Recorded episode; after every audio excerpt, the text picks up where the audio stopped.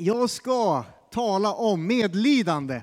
Jag tänker att bränslet för diakoni och mission är medlidande. Det som liksom blir drivkraft och ger kraft in i, vår, i vårt missionsuppdrag och när vi betjänar de fattiga i diakoni, det är medlidande. Det var det för Jesus, jag tänker att det är det för oss. Bränsle, vad är det för något? Bränsle, det är ju, det är ju typ bensin, det är ju diesel. Det finns många olika sorters bränsle. Det är det, just det, det är bränsle. Bränsle är den substans som genom förbränning eller en kemisk reaktion skapar kraftenergi. Det är bränsle. Då vet ni, det finns många olika. Fossilfritt bränsle och biobränsle, kanske samma sak. Jag vet inte. Eh, alla möjliga Nu vart det tråkigt. Vi lämnar det och så slår vi upp Bibeln istället och slutar prata om bränsle. Eh, det är väldigt inne att prata om bränsle annars, har jag upplevt de sista två åren. I varje fall när gubbar samlas pratar vi ständigt om energi och el och, och diesel och bensin. Eh, Matteus evangeliet ska ni slå upp. Matteus. Står så här, Matteus kapitel 9, vers 35. Eh, Jesus vandrade omkring i alla städerna och byarna och han undervisade i synagogorna och förgunnade budskapet om riket och botade alla slags sjukdomar och krämpor. När han såg människorna fylldes han av medlidande med dem. De var illa medfarna, hjälplösa som får utan herde. Och han sa till sina lärjungar, skörden är stor men arbetarna få. Be därför skördens Herre att han sänder ut arbetare till sin skörd. När han såg människorna fylldes han av medlidande med dem. De var illa medfarna och hjälplösa som får utan herde. Vi ber för detta ord. Tack Jesus. Tack för ditt ord idag. Herre. Tackar att för får tala in i våra liv, in i vår tjänst, in i vår församling Herre. Varför vi är här Herre, det är just dessa ord Herre. När man ser människan, ser nöden, ser behoven så fylls man av medlidande och vill göra något åt det Herre. Tack Jesus. Tack att det får bli en drivkraft, samma drivkraft som du hade, vill vara en drivkraft i våra liv. Vill bli bränslet i våra liv Herre. Tack Jesus att du är här. I Jesu namn ber vi. Amen. De här orden de sammanfattar den första delen i Matteus evangeliet. De börjar faktiskt i Matteus 4. Då säger Jesus samma sak. Han säger så här, han gick omkring i hela Galileen och förkunnade budskapet om riket och botade alla slags sjukdomar. Han säger precis samma sak här i Matteus 9. Han gick omkring överallt och förkunnade, undervisade, förkunnade och botade alla slags sjukdomar och krämpor. Det var det Jesus ägnade sig åt. Kapitel 5, 6, 7 så håller han en predikan. Konfirmander, vet ni vad det är för predikan? Matteus 5, 6, 7. Bergspredikan, bra! Du, bjud på en glass sen när ni åker hem till, till den damen där. Alltså, bergspredikan, han undervisar i tre kapitel. Efter det, kapitel 8 och 9, vad gör han då? Mm, kan ni era Matteus evangelium? Då går han ner för berget och botar många sjuka. Lama gick, blinda såg, Eh, han till och med stillar stormen. Helt plötsligt så manifesterar sig riket. Det han har undervisat om, det han har förkunnat, manifesterar sig genom under och tecken i kapitel 8 och 9. Och så sammanfattar han hela den här första delen i Matteusevangeliet i de här orden som vi läste. Hur han går omkring i alla städer och byar, undervisar om riket, förkunnar riket och Guds rike finns där genom under och tecken. Och så är det dags på något sätt att sända ut de tolv. Och ni får tänka på det, när Jesus, eh, det står ofta att han vandrade. Han var på vandring, han var i rörelse. I Lukas evangeliet, då är det ständigt, han var ute och går jämt. Och det är att vara kristen. Vi är inte en kyrka som bara står still eller sitter fast, utan att vara kyrka i vår tid är att vara i rörelse. Man är på gång, man är på, på väg någonstans hela tiden. Blir man en etablerad liksom, institution som står fast, då kommer man bara rasa samman till sist. Man måste hela tiden ha missionsdrivet, diakonin, tjänsten, vara i rörelse som Jesus var. På samma sätt. Och så ska han sända ut de tolv därför att skörden är stor, arbetarna är få. Jesus själv klarar inte av detta uppdrag. Lite som Kristian Christian var inne på. Han lämnar över uppdraget till oss. Han lämnar över uppdraget till sin församling i den här tiden att göra det han gjorde, samma gärningar som han gjorde, och så ger han oss auktoritet i hans namn. Du vet när Jesus talar, talar om auktoritet. Vinden löd, eh, stormen stillades. På samma sätt ger han samma auktoritet till oss, att vi kan gå ut och förkunna. Och det gjorde lärjungarna. De undervisade faktiskt inte, de förkunnade. De proklamerade ut att riket var nu här och så botade de alla slags sjukdomar och krämpor. Samma sak som Jesus gjorde sändes de ut att göra i hans namn. Drivmedel som sätter bilen i rörelse, bensin eller diesel. En del håller på med batterier, men, men jag kör på bensin eh, och diesel. I varje fall, drivkraften som sätter Jesus i rörelse är medlidande. Han såg upp, han såg människorna och då fylldes hans hjärta med medlidande. De var som får utan herde, alltså hjälplösa. De klarar sig inte. Han fylls av medlidande, han ser de sargade, de milda medfarna, de hjälplösa. Lärjungarna sänds ut och gör samma sak. Alltså egentligen är vårt uppdrag som kyrka så enkelt, tänker jag när jag läser Bibeln. Så enkelt. När jag var i Indien var det ännu enklare. Jag var ju där förra veckan. Alltså det är så enkelt. Det enda vi har att göra är att fira gudstjänst. Varför då? Därför då lyfts vår blick och så ser vi Jesus. Och så förstår vi, yes, det finns en större verklighet än det här jobbiga som jag har i mitt liv och i min familj och i vårt lilla samhälle och vårt, allt det här jobbiga. Så får man lyfta blicken lite då och då, från skärmen, från allt som man glor på. Och så får man se upp på korset och så får man rikta sitt liv och sitt hjärta. Och så går man ut och så betjänar man i diakoni och mission. Diakoni det är att betjäna de fattiga och Jesus säger de fattiga kommer ni alltid ha hos er. Det är ett enkelt uppdrag egentligen. Det kommer vi hela tiden göra, betjäna de fattiga och sen förkunna evangelium för syndare så att den kan bli frälst. Inget nytt uppdrag, ingen ny vision, inget annat vi ska göra. Samma sak som Jesus gjorde. Han sänder ut sina lärjungar att förkunna riket, bota sjuka. Nu har jag varit i Indien i, i fyra dagar. Kan man hinna med någonting på fyra dagar? Jag åkte dit förra onsdagen och så var jag där i fyra dagar och vi matade schemat fullständigt. Och det var jättebra, eh, jättehärligt. Och jag ska berätta lite, nu ska jag öppna min dator här. Det här är världspremiär, eh, för mig i varje fall. Är det världspremiär? Ja, precis. Ja, det blir blått i varje fall där. Vi får se om den här går igång. Eller om jag håller på som Torsten här. Ja, precis. Um, ja, um, den är helt svart. Det var det inte när vi övade. Det är precis därför jag aldrig håller på med de här grejerna. Den är helt svart. Den är inte död för det lyser på knappen där.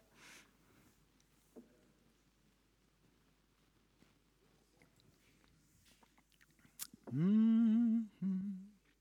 I varje fall, medan den här vaknar, jag tror att den kommer vakna till liv snart, så var det jag och KG, vi reste iväg förra onsdagen. Vi hoppade på planet på Arlanda och eh, KG är fortfarande kvar, han sitter i Delhi nu och, och han blev inte fast. Han var inte kvar på det sättet, men han eh, åkte vidare till Bhutan.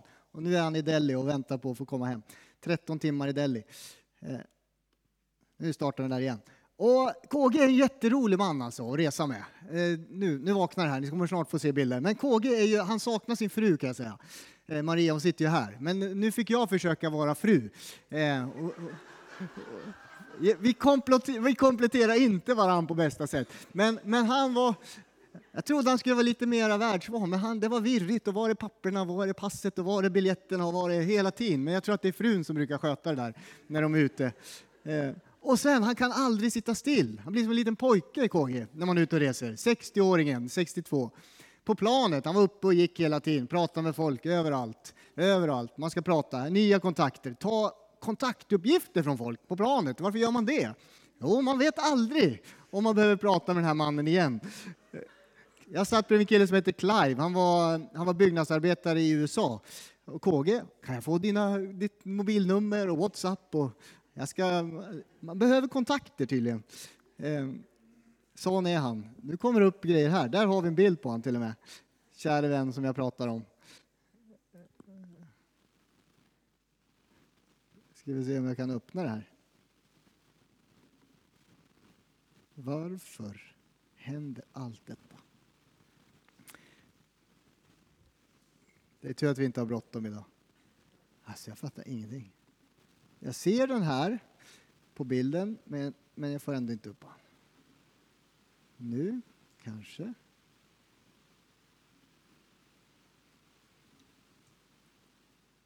Kan man byta nu bild? Nej, kan jag inte. Du, du, du. Nu ska jag trycka där. Vad händer då?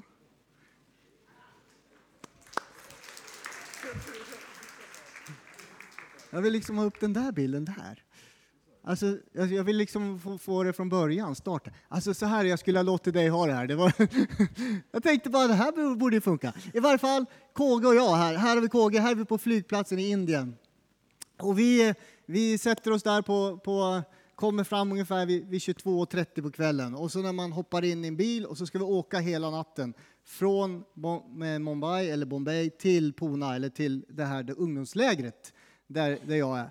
Och det är ungefär 32 grader, det är hög luftfuktighet, det är jättejobbigt att vara där, men eh, det är AC i bilen så det var skönt. Och så kör man och det är massor med lastbilar, det är full fart, det är mycket dofter, det är fullt med liv. Och klockan fyra på natten kommer jag fram eh, och så får jag lägga mig i en liten säng och då är vi i Nashrapur heter det. Funkar det nu? Nej, underbart, toppen, tack, tack. Eh, och så i Nashrapur där så hamnar vi på Youth Camp. Det är ett ungdomsläger som de har varje år vid den här tiden. Och så på natten så hamnar jag på den här lilla britsen här, den är stenhård. Eh, nästan ingen madrass, utan det är, det är som att sova på halm. Och klockan fyra får jag lägga mig där och tänker nu kan jag sova i alla fall i tre timmar. Sen ska jag upp och ha bibelstudium. Och då börjar påfåglarna att kuckelura ute i, i djungeln. Jag vet inte vad de gör, men de skriker och gapar så Akshay, min vän, får gå ut och jaga bort dem. Men det är tydligen massor med påfåglar ute i skogen. Det är stora fåglar som man ser på djurpark, men de lever vilt där. Eh, och Akshay säger så här, jag sa ju att vi skulle bo på hotell. Han tyckte vi skulle ha bott på hotell istället. Men jag tyckte, nej, vi ska vara riktiga missionärer. Vi ska bo på en hård brits, jag ska sova med kackerlackor, jag ska ha råttor som springer runt mig eh, och det ska vara påfåglar som håller på i skogen. Det ska vara på riktigt om jag ska åka någonstans. Inte sova på lyxhotell och eh, liksom myspys. Så eh, Akshay och jag vi är där och på morgonen klockan nio så är det dags för bibelstudium. Och då möts jag av den där jätteskylten där som är bara jätteliten nu. Eh, och så ser ni en gubbe där borta, det är jag tydligen på bild. Och det är jättepinsamt för en svensk att vara på stor bild på en stor skärm. Men där står temat för hela ungdomslägret Go Mad. Och jag tänker, vad betyder gå, bli galen ungefär? Men då är det förkortning av Go Make a Disciple.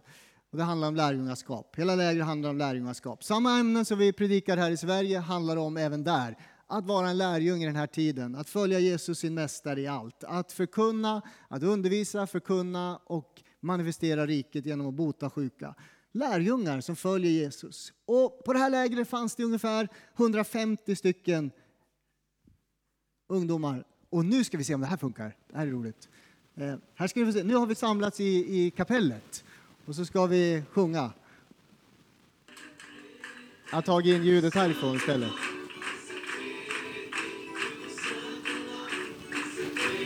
De är hängivna i sitt klappande kan man säga. De älskar att klappa händer. Vi tar den igen. Kan vi få lite mer ljud?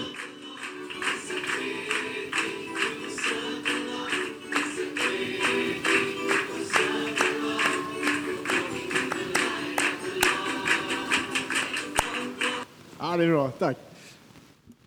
Jag tycker det är roligt själv. Eh, när jag håller på. Men det är så underbart att vara där. Det fanns en hängivenhet bland dessa unga människor. De är från kanske 15 år till 30, så det är unga vuxna också som samlas. 150 stycken från olika delar i Indien som har fått åka på det här lägret. Och hela det här lägret handlar om en enda sak, att komma nära Jesus, att drabbas och på, få påfyllning av helig ande egentligen. Och flera av dem kom till tro, tog emot Jesus för första gången. Flera av dem sa att vi vill gå ut i tjänst. Eh, vi vill bli pastorer, evangelister i den här tiden i Indien. Och det är inte bara i Indien. Det handlar om faktiskt liv och död ibland. Det är förföljelse, det är svårt. Men de här unga människorna de längtar efter att få tjäna Jesus i sin tid. Eh, jag kan säga att det är stor skillnad mot när jag var där för 25 år sedan första gången på de här ungdomarna. De här eh, vet varför de är där, de vet vad de vill, de vet varför de är på det här lägret. Eh, fantastiskt gäng. Och på tal om medlidande så pågår det ju saker, så här står det ju inte i Bibeln. Vad står det egentligen? Djävulen går omkring som en rytande apa, står det inte. Men den här apan bor på lägret. Han är fullständigt galen. Han hoppar på våra bilar, han äter upp våra däck. Jag tror att nästan varje bil fick uppätna, sönderskurna däck av den här apan. Just nu sitter han på en bil här. Eh, troligtvis, jag fick inte med bilen, men han sitter på en bil och dominerar bilen totalt. När jag är ute och kör, jag lånar bilen ibland för det är kul att köra i Indien, så hoppar han på rakt på framrutan, bara pang. Så här. Men när man samlas till lovsång och bön, när man samlas inför Gud och möter honom som ungdomarna gör, då manifesterar sig också onda andar och makter. Eh, det är en verklighet i Indien och det är en verklighet i Sverige också. Jag vill ge några exempel på detta, drivas av, av medlidande med de här människorna. Och det, är inte, det är inget fel på apan, han borde skjutas. Men alltså, djävulen är på, på, på ett helt annat... På ett helt, ja, men det borde han faktiskt.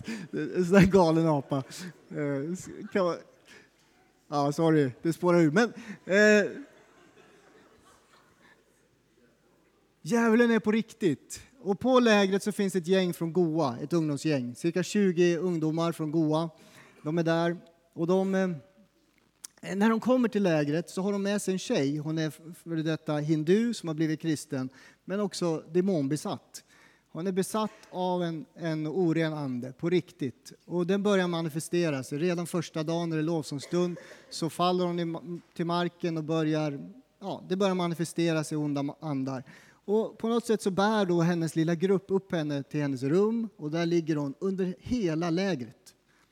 Helt utslag, utslagen. Hon dricker lite vatten, kan inte prata längre, eh, skriver. Hon kunde prata när hon kom, skriver sina eh, liksom, något, eh, lite ord kan hon skriva på papper till de här ungdomarna.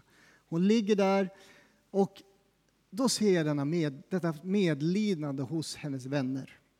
Här är en, en ung tjej som är besatt av en oren ande, ligger i sängen och hennes vänner, vad gör de? De skapar någon form av bönekedja. Så ingen lämnar hennes. Det finns alltid någon vän vid hennes sida. Håller henne i handen och ber under tre dygn. De turas om och ber. Nätterna igenom, dagarna igenom är de i bön. Hela tiden för den här unga tjejen. Eh, och ingenting händer. Hon ligger där och så kallar de upp mig där och så tänker de den vite mannen kan väl ordna det här. Nej, jag kan inte ordna det, men jag börjar be för henne i varje fall. Och jag tänker så här, nej, vi borde nog köra henne till sjukhus. Det känner man ju som svensk. Man borde, nej, nej, vi ska inte köra henne till sjukhus, säger de. Vi ska be, hon är ju demonbesatt. Så de fortsätter be för den här tjejen. Och de drivs av medlidande, medkänsla. Hur kan Satan få hålla henne i detta grepp? Och på morgonen, sista morgonen, lördag morgon när vi har gudstjänst, så reser hon sig upp fullt vid sina sinnen, klär på sig, gör sig i ordning och är med och lovsjunger Gud. Helt fri. De ber i tre, dygnet runt ber de för den här tjejen. Sådan kraft är det i bön. Ibland är det inte så här enkla, vi lägger händerna på och kastar ut, det är klart. Nej, deras medlidande blev som form av drivkraft för den här kompisen. Att de vakar och ber hela nätterna för henne och hon blir fri. Och det här händer inte bara i Indien. Jag fick eh, höra i förrgår, ringer en person som jag känner, väl bekant, i Sverige som berättar att för några veckor sedan så fick de ett telefonsamtal från en, en bekant och så åker de hem till den här bekanta och, be, och han behöver förbön. Han är inte fri, säger han. Han behöver förbön sin, han är inte kristen, men han behöver förbön av kristna. Och när de börjar be så manifesterar sig onda andar i honom också. Han åker i backen, det här hände i Sverige för några veckor sedan. Han, åker, han faller i backen och de ber i Jesu namn. Och till sist så blir han fri. Nu är han döpt, frälst och med i en församling bara några veckor senare. Och fullt fri och jättelycklig. Men vi ser hur vårt land har släppt in dessa faktiskt demoniska influenser ska jag säga, i vårt land. De kommer med, med, med andra religioner, på, med, med olika sätt hur vi lever på idag och lämnar Jesus. Det här är på riktigt. Det här skedde även i, i augusti i Gimo när vi bad för en person där. Eh, blev fullständigt fri. Men man ser hur det manifesterar sig.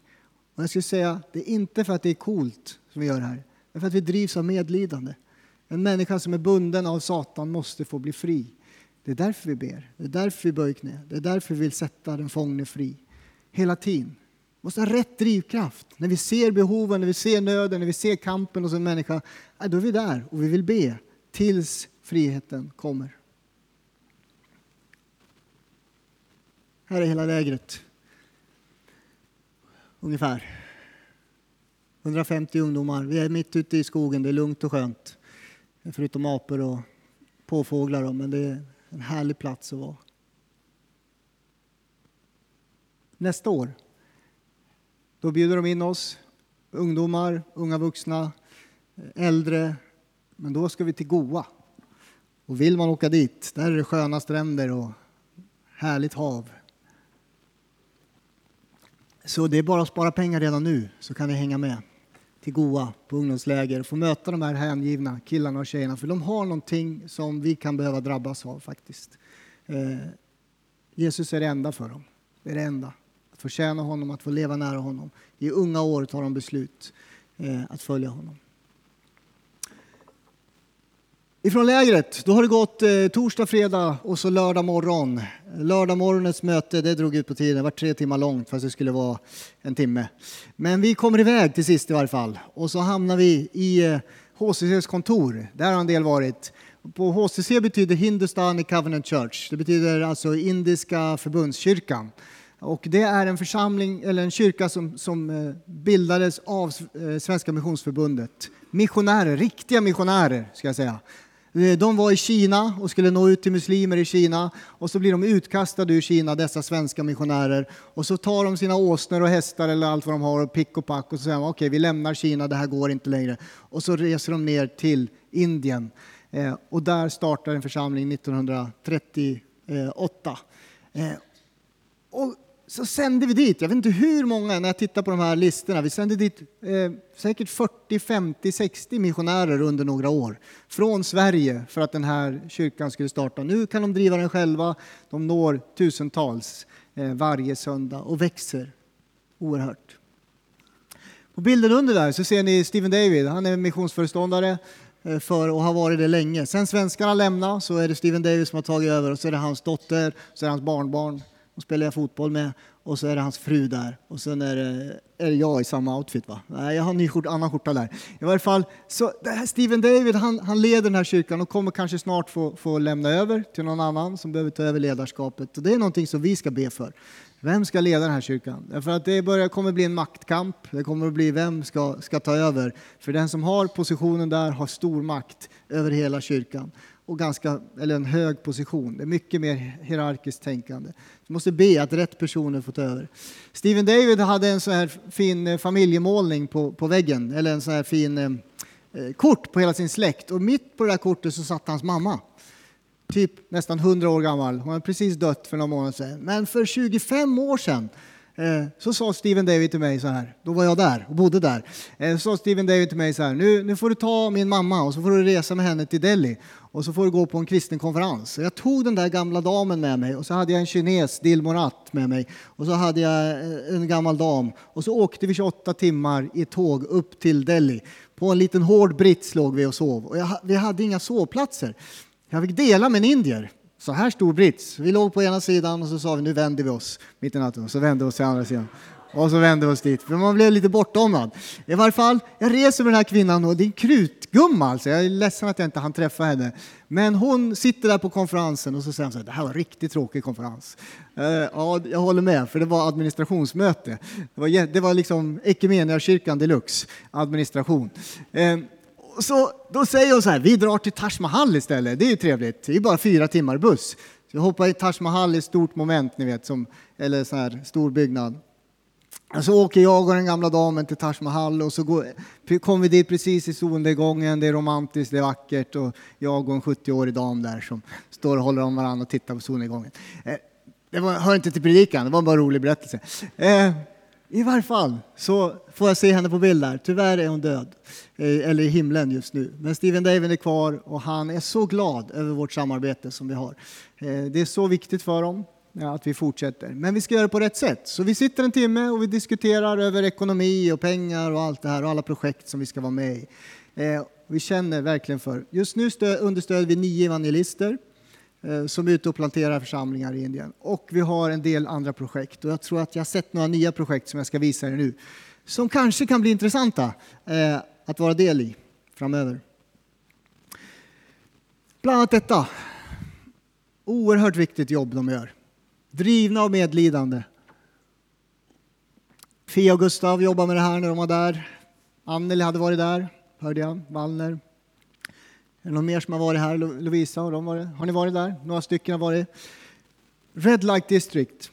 Alltså i Pona, i staden där HCC har sitt kontor, eh, finns en, en gata och där var KG och jag. Ni ser KG stå med en, med en kvinna där som jobbar med det här och hjälper de här andra kvinnorna.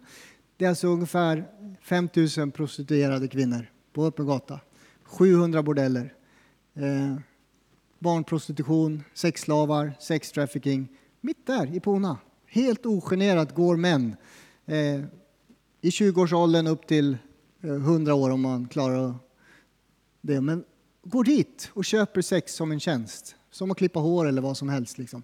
Eh, de här kvinnorna är bara där och väntar på nästa kund. De är slavar, skulle jag säga. De tjänar pengar och kan skicka hem till sina familjer, men de kan inte lämna. De måste köpas fria. Ni vet, slav, slaveriet är större idag än vad det någonsin har varit. Det finns fler slavar i vår värld idag än någonsin tidigare. Slavar som säljer sex, som jobbar på fabriker, barnslavar eh, som inte är fria att lämna. Eh, det är en verklighet i Puna och där är HCC därför att de drivs av medlivande. När de såg detta som sker mitt framför ögonen på dem. Vi fick också gå upp. Det var i och för sig nog för mig att se, se gatan men vi gick upp in i bordellet och vi gick där och såg alla de här det är små rum där man går in med kvinnan som man väljer eh, och utför det man vill. Små rum. Obehaglig plats ska jag säga att vara på. Eh, så mycket mörker, så mycket sjukt som sker. Men därifrån så tar HCC de kvinnor som vill.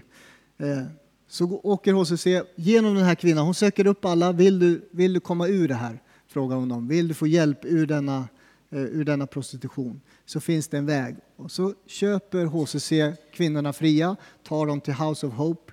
De är oerhört traumatiserade såklart. Eh, oerhört svårt. Och där får de vara och istället för att sälja sin kropp så tillverkar de då Kristi kropp, oblater och säljer och får jobba lite grann. Och så får de träffa kvinnor som samtalar med dem, får någon form av själavård och kommer ur sitt trauma. Och nu, sen sänds de eh, eh därifrån och kanske in i ett yrkesliv eh, på ett annat sätt eller återförenas med sina familjer.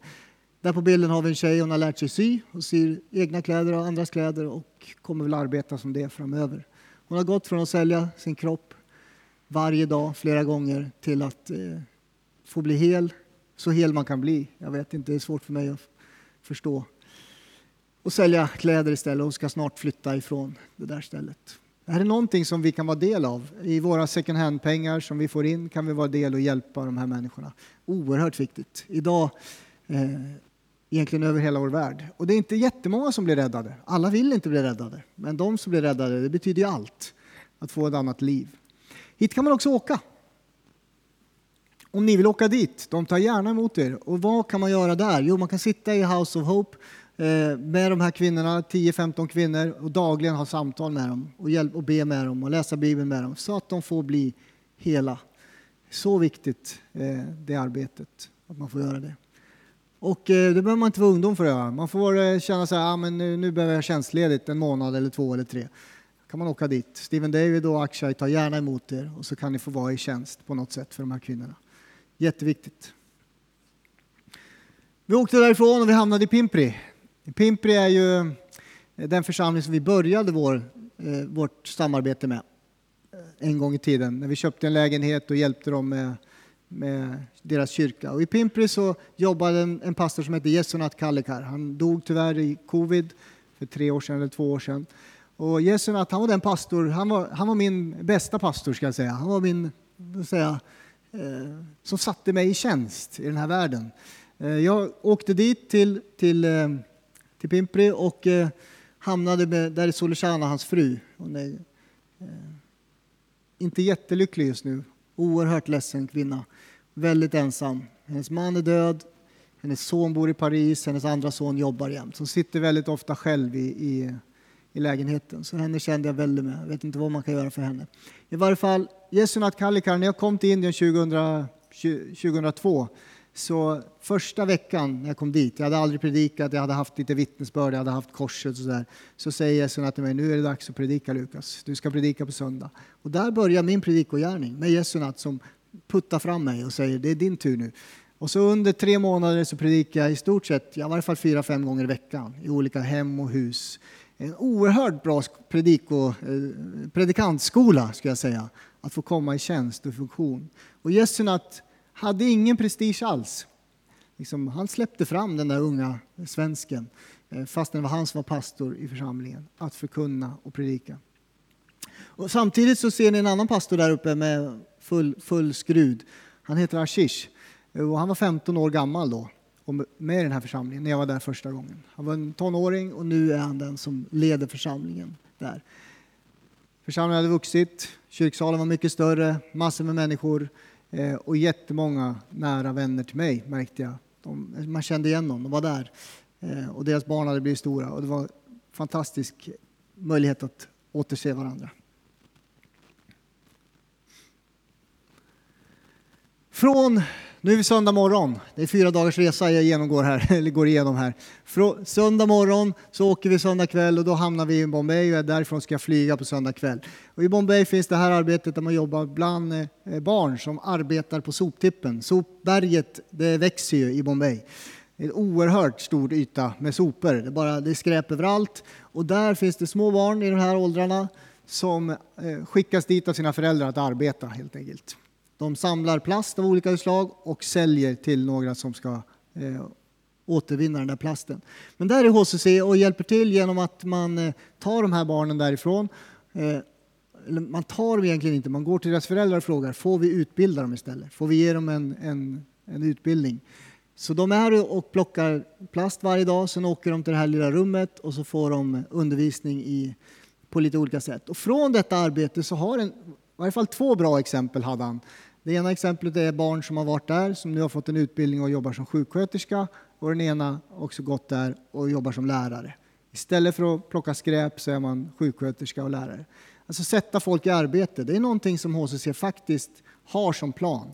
Att inte längre bara plocka skräp eller sälja sin kropp utan faktiskt komma i tjänst och i arbete på annat sätt och kunna försörja sig och sin familj.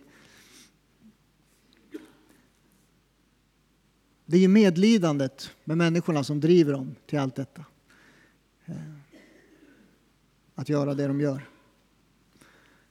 Sen, eh, där är Akshay, min, min tolk och vän och, som körde runt mig, så avslutar vi Bombay och det är Diwali, det är nyår. Så det är lite folk ute kan man säga.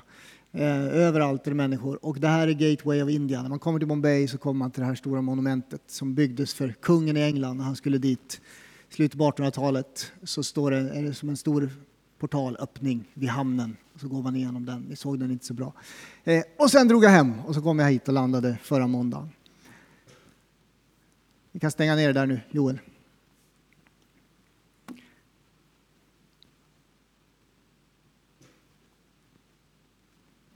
För att sammanfatta allt. Vad är det Jesus gör? Han såg människorna. Han fylldes av medlidande. Han sa de är som får utan herde. Han sände ut sina lärjungar och sa skörden är stor, arbetarna är få. Jag tänker att det är liksom budskapet till oss också hela tiden. Att vi är i rörelse, att vi när vi ser eh, hur människor far illa så fylls vi av medlidande och vill göra något åt det. När Jesus fylls av medlidande så är det ju faktiskt korsets väg han går. Han lider med oss. Han lider för oss. Han tar vårt straff, han tar vår synd, han dör en död på korset för vår skull. Han uppstår och ger oss liv. Och det livet har vi hela tiden i uppdrag att ge vidare till andra människor. Han har gett oss samma auktoritet som han hade när han gick runt här på jorden, så ger han till sina lärjungar idag. Att gå ut och göra samma gärningar som han gjorde. Eh, och det är då jag skulle säga, då fylls ditt liv med mening. Då lyfter man blicken från sitt eget och så ser man någon annan. Det här är inte bara utanför församlingen, också inom församlingen. Vi behöver en församling som är fylld av medlidande just nu, som ser varandra och lyfter varandra och bär varandra genom den tid som vi just nu går igenom. Nu ber vi tillsammans. Tacka Jesus. Tack Herre. Tack Herre. Tack Herre för det du gör i Indien Herre. Tack för det du gör genom Hindustani Covenant Church. Tack Herre, det som du har fött Herre, det som du har fött så låter du det också växa Herre. Tack för nya människor som kommer till tro där, Herre. Tack för nya människor som går ut i tjänst, i pastortjänst, i evangeliets tjänst, men också i arbetsliv, Herre. Tack Jesus. Tack Jesus. Tack att vi får vara del av det här, Herre. Tack att Alundaborna får ha ett stort hjärta för, för världen och kunna hjälpa till med det här. Tack Jesus. Jag ber för vår församling att du visar oss liksom nya vägar i den här tiden, hur vi ska hjälpa människor, hur vi ska betjäna människor, hur vi ska visa ditt medlidande med människor. Behöver verkligen dig nu i den här tiden, Herre. Jag ber för vår församling, jag ser många som är sjuka, många som mår inte särskilt bra just nu. Jag ber Jesus, eh, kommer din kärlek, kommer din nåd, kommer din ande. Kom och lyft oss, Herre. Lyft oss ur detta så vi ser dig, Herre. Tack Jesus. Och så ber jag Herre att vi kan få gå ut i samma kraft som du gick. Bota de sjuka. Tack Jesus. Tack att det finns kraft idag till att bota den sjuka. Tack Jesus. Se de som lider och är sjuka i vår församling just nu, Herre. Se många som lider, många som har sjukdomar i sina kroppar, Herre. Jag ber Jesus att just nu sänder du ditt ord av tro och lyfter dem upp, Herre. Sänder ut din hand, Herre, och drar dem upp, Jesus. Tack att du kommer med liv, liv i den här stunden, Herre. Tack Jesus. Ber så i Jesu namn. Amen.